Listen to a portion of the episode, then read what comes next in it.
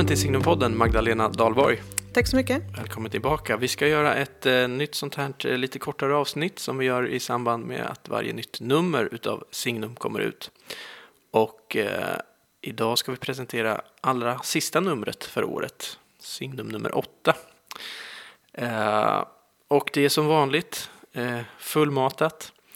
Eh, vi har en ledare som en av eh, våra nya redaktionskommittémedlemmar har skrivit.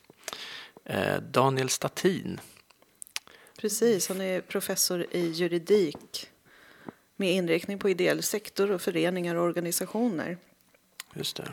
Och då passar det ju väldigt bra att han skriver om de här förslagen till demokrativillkor för att man ska få ta emot statligt stöd.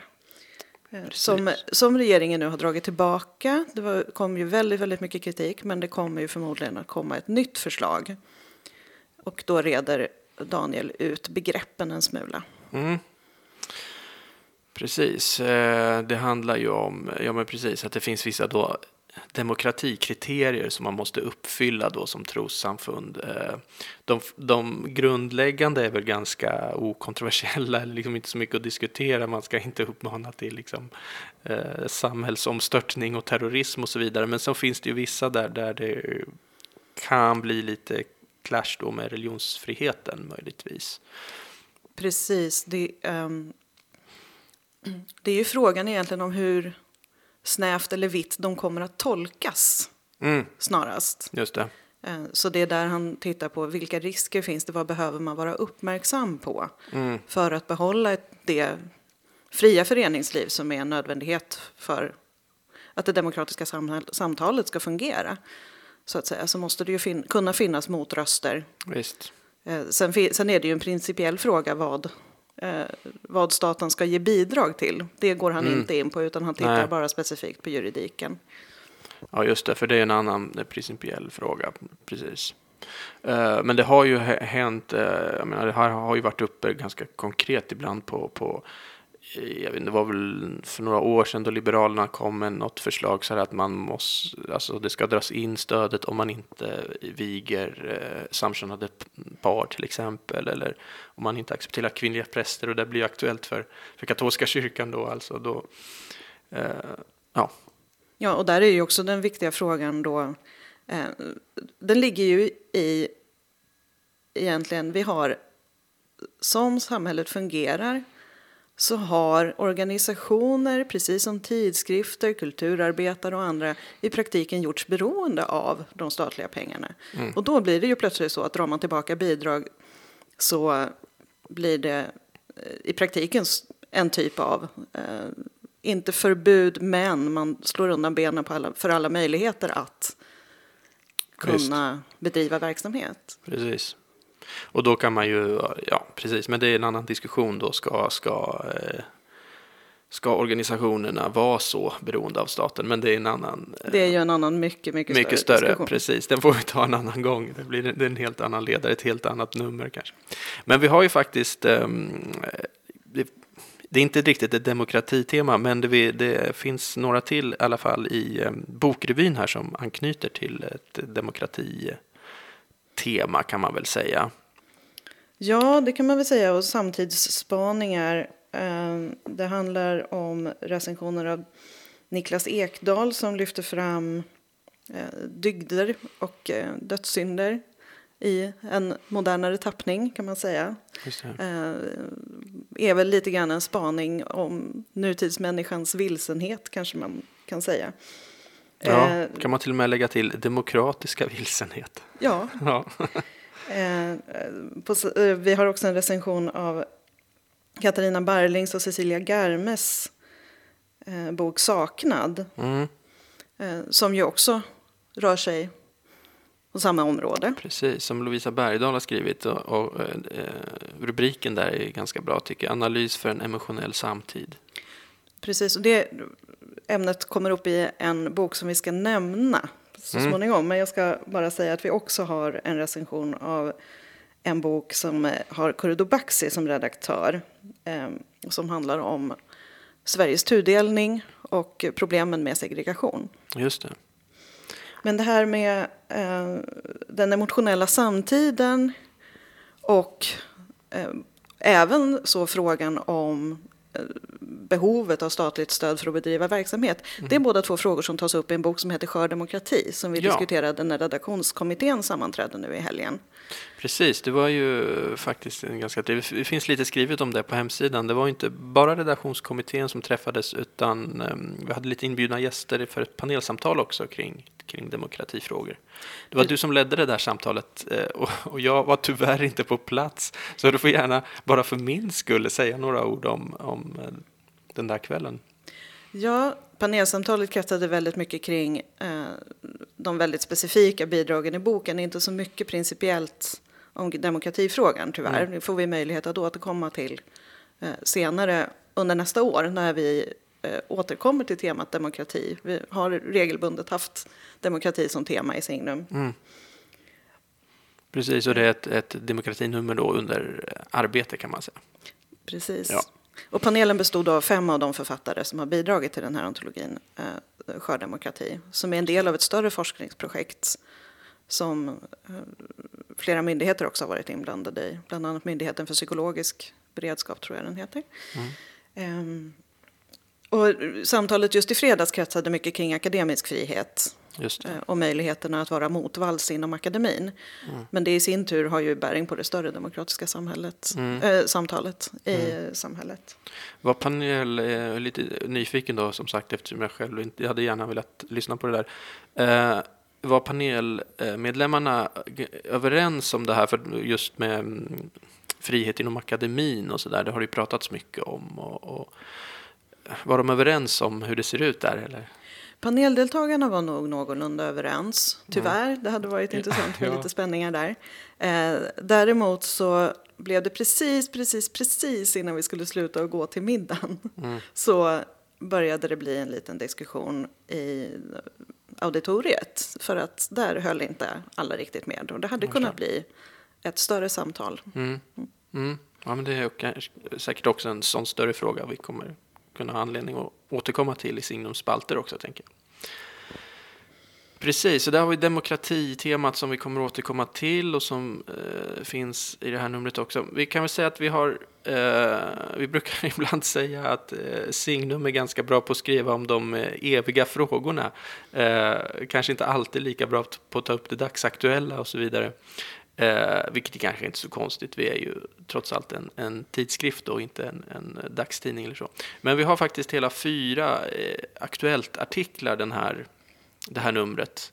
Och det är en av dem som jag tycker var, är väldigt roligt och bra skriven och det är Lapo Lappin som har skrivit om eh, eh som under rubriken här, en föga livaktig debatt mellan en levande teolog och en död fysiker det var ju här i Uppsala då, så det annonserades stort att, eh, eh, vad heter han nu då, fysikern? Stephen Hawking. Stephen Hawkins skulle diskutera med teologen Alistair McGrath. Och eh, det här blir lite lustigt då. Först reagerar eh, Lapp och Lappin där på att ja, det där var ju häftigt att de två de här stora namnen ska, ska Eh, Eh, eh, liksom debattera här i lilla Uppsala. Och sen blir det ännu konstigare eftersom Stephen Hawking han dog ju för fyra år sedan. Men det visar sig så att det är det, eh, då fysikern, Uppsala-professorn Ulf Danielsson som för då Stephen Hawkings, eh, Stephen Hawkins talan. Eh, men det där blev inte någon riktigt lyckad debatt tyckte, tyckte Lapp och Lappen. Det är väl lite överspelade frågor det här med, med liksom Gud och vetenskapen, är det inte det? Jo, men precis. Det finns väl någonstans i det allmänna medvetandet eh, någon sorts idé om att det här fortfarande är en stor konflikt. Mm. Och, och, att saker inte går ihop. Och nyateismen är i vissa kretsar fortfarande väldigt, väldigt levande. Men Lappos mm. spaning är att nej, egentligen så är den ganska död. Det här är inte en issue för folk längre. Och det här mm. återkommer ju senare eh, också återigen i bokrevyn. Just det. Där vi har en recension av, av Jan Blomgrens bok Jo då, Gud spelar visst tärning. Just där det. han påtalar att med den moderna fysiken eh, som den har utvecklats mm. så till skillnad mot den fysik vi har levt med sen upplysningen i princip, så Mm. finns det faktiskt plötsligt utrymme för, för Guds handlande i världen, kan man Ja, säga. ja, Vilket det- innebär att det plötsligt inte alls ens verkar vara någon jättestor motsättning längre. Nej, Och det här är väl någonting som Ulf Jonsson återkommer till i sin nya bok också, just det. Precis. om orsaker. Precis. Eh, nej, det där är jätteintressant, eh, verkligen. Eh, hur den här nyatismen har verkligen försvunnit ut på, på den offentliga scenen också i stor utsträckning. Det var ju där 00-talet egentligen var för storhetstiden, efter 9-11. Eh, men eh, nej, jag är nog redo att hålla med lapp på lappen där, att det känns lite överspelat. Och Det märker man väl ganska tydligt på också. Vi noterade att i Signum, det bokförlag som recenseras absolut mest är Fri Tankes förlag. Visst, visst. Och det, och det säger väl att konfliktlinjerna kanske är andra idag Jag än vad är de så. var tidigare. Verkligen. Eh, ska vi säga lite om eh, övriga artiklar vi har? Vi har ju ett... Ehm, eh, vi skriver om eh, eh, timmarnas liturgi, alltså vi har, och vi har om eh, nya studiebibeln här. Eh, vill du säga något om de artiklarna? Ja, eh, Signum valde att inte recensera timmarnas liturgi rakt av. Eh, Svårrecenserat. Den är ju något svårrecenserad och inte direkt ny, även om översättningarna är nya. Så istället så har vi en serie med essäer där olika personer från olika delar av svensk kristenhet får skriva om sin relation till tidigärdsbön. Mm. Först ut var Karin Johannesson eh, för några nummer sedan, som är alltså evangelisk-luthersk biskop i Uppsala Mm, och skrev om ekumeniska överraskningar i timmarnas liturgi. Hon och nu är- är det Jimmy Österbacka som är i Åbo och som skriver eller har skrivit avhandling om eh, Tidegärden i Bjärka Säbys tappning. Mm. Han har ju varit eh, engagerad där en del tror jag också. Jag har själv träffat honom där i alla fall. ja. Eh, Precis, så han, så han skriver om hur man använder Tidegärden i hans lokala församling. Mm. Ja, men det är intressant. Det är en fin och den serien kommer, kommer fortsätta. Den serien kommer fortsätta. Vi Mm. väntar på en artikel om digitalt tidigärdande. Ja. Och sen så kommer det nog fler också Mm, så småningom. just det. Men det blir alltså lite olika perspektiv. Så det är inte strikt katolskt heller. Utan. Tidigärden är ju en ekumenisk möjlighet Visst. också. Jag vet det finns till och med sån här på, jag tror det finns någon på eh, Instagram som har sån här live, eh, man kan be liksom live tillsammans på Instagram. Ja, men det finns ju många. Jag tror bland Mm. annat paret eh, Kristoffer och Charlotte Lignell har Ja, väl någon eh, sån till exempel. just det. Men den andra, så att säga, jag ska säga, brukslitteraturen för den personliga fromheten, Mm, eller vad man ska säga, är ju den katolska studiebibeln som nu äntligen kommer i sin helhet. Mm. Ett sånt här som har jobbats med också i många, många år. Precis ja. som timmarnas liturgi. Precis. Och det handlar ju i sig om att Bibel 2000 när den kom, det var ju en statlig utredning, spännande i sig, eh, med så konfessionsneutrala som möjligt fotnoter och referenser och så. Och det har funnits behov av en katolskt kommenterad helt enkelt. Så det här är Bibel 2000 Mm. eh, med alla originalnoter och sånt eh, kvar. Men sen också katolska kapitelinledningar och katolska fotnoter. Och sen också den katolska ordningen på böckerna. Så att ordningen stämmer inte riktigt med den Bibel 2000 som man har hemma i bokhyllan. Nej, just det. Mm. Och det här skriver, den här recenseras inte i det här numret. Eh, vet inte om det kommer att bli. Men däremot så har alltså Tord Fornberg som varit involverad i granskningen av fotnoterna har skrivit en huvudartikel om Just det. om den katolska studiebibeln och om behovet av att jobba med att ha tillgång till flera olika översättningar av olika slag. Mm. Det där är roligt. Vi, vi kan ju passa på här och eh, faktiskt nämna hemsidan lite grann också. Eh, vi pratar ju om, om pappersnumret eh, eh, här. Men det har ju faktiskt varit en liten debatt på, på Signums hemsida. Det är inte alltid vi får till regelrätta debatter där och det kanske inte alltid vi vill det heller. Men Anders Ekenberg skriver där apropå den här översättningen som det jobbas på nu och som ska komma. Kommer jag inte ihåg exakt när den ska komma, men Det är, det är om flera år. det är om flera år. Det där är ju ett jättearbete. Ja, men det jobbas på, på eh, ny översättning och eh, Ekenberg var lite kritisk till det där och så har det blivit lite svar på det där. Eh, så det är ju en intressant eh, diskussion om man vill gå in på Signums hemsida och hitta fram till, till de texterna också. Precis. Eh, ska vi säga någonting också om, eh, det, det börjar ju närma sig jul här vid adventstider. Eh, vi har ju faktiskt en artikel med lite jultema med fina bilder av dig faktiskt. Ja, Som jag tror du fick liksom anledning att återanvända, som nog inte alls tänkta till det här syftet. Men vill du säga något om Olle Brandts eh, artikel där om julens kyrkor? Ja, i påskas så skrev Olle Brandt en artikel om, jul, om påskfirandets utveckling i Rom och Jerusalem Mm. och vad som ligger bakom på, eh, liturgierna kring påsktiden. Eh, och nu har han gjort samma sak med jultiden, fast då har det varit det är mer fokus på födelsekyrkan i Betlehem. Där jag hade förmånen att få komma ner genom taket när det fortfarande stod byggnadsställningar där. så Ja, är jag tog faktiskt bilder på mosaikerna som Ja. annars är väldigt svåra att se. Exklusivt perspektiv får man ju säga. Exklusiva bilder i, i, i nästa signum här. Ja, verkligen. Mm. Eh, Olle blev väldigt glad över att få se dem, Ja. jag förstod. Eh, och sen pratar han lite grann om den liturgiska utvecklingen också i Rom Mm. kring eh, julfirandet. Just det, det är där han håller till till, till vardags också. Precis. Ja, men fint. Eh, har vi glömt något som bör nämnas? Eller? Det är ju alltid, det finns eh, så mycket man kan nämna. Men Ja, en, en favorit som jag har är ju Johan Eddebos eh, Mm. essä om Anna-Greta Wide som eh, är en ganska okänd po- svensk poet Mhm. men väl värd att nosa på. Och Johan har skrivit en väldigt personlig essä är, som också involverar personlig omvändelse. visst, den är väldigt välskriven också eh, på alla sätt och vis. Ja, den är fin. Och jag tycker mycket om hans texter. Eh, Mm. Sen så presenteras också Andreas Massetti Petterssons eh, avhandling om Antonio Posevino som är en intressant figur i det intellektuella livet, inte eh, bara i Sverige utan i hela Europa. Och Precis. mycket speciell person. Mm. Den är ju alldeles färsk. Han disputerade här för inte alls länge sedan. Eh, Andreas som är kopplad till Newman-institutet där.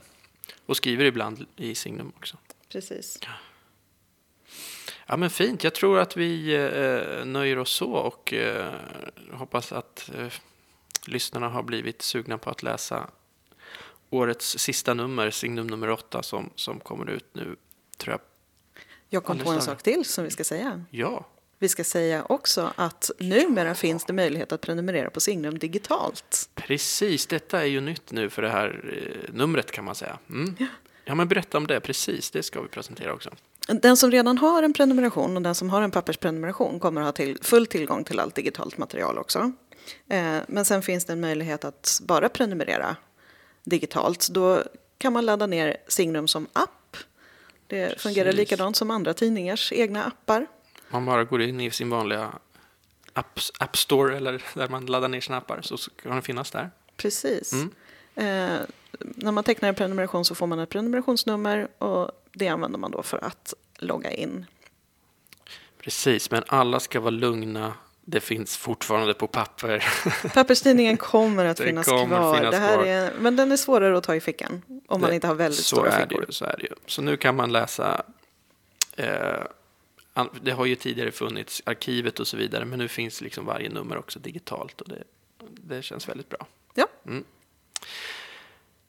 Ja men fint, ja, vi tackar för det här året kan man säga. Det kommer, det kommer ett ordinarie Signumpodden här innan året är slut också eh, i nästa vecka. Eh, men vi får väl tacka för det här året och så ser vi fram emot nästa. Och tack Magdalena för att du gästade Signumpodden idag och tack alla ni som har lyssnat. Lyssna på oss igen i nästa avsnitt. Hej så länge.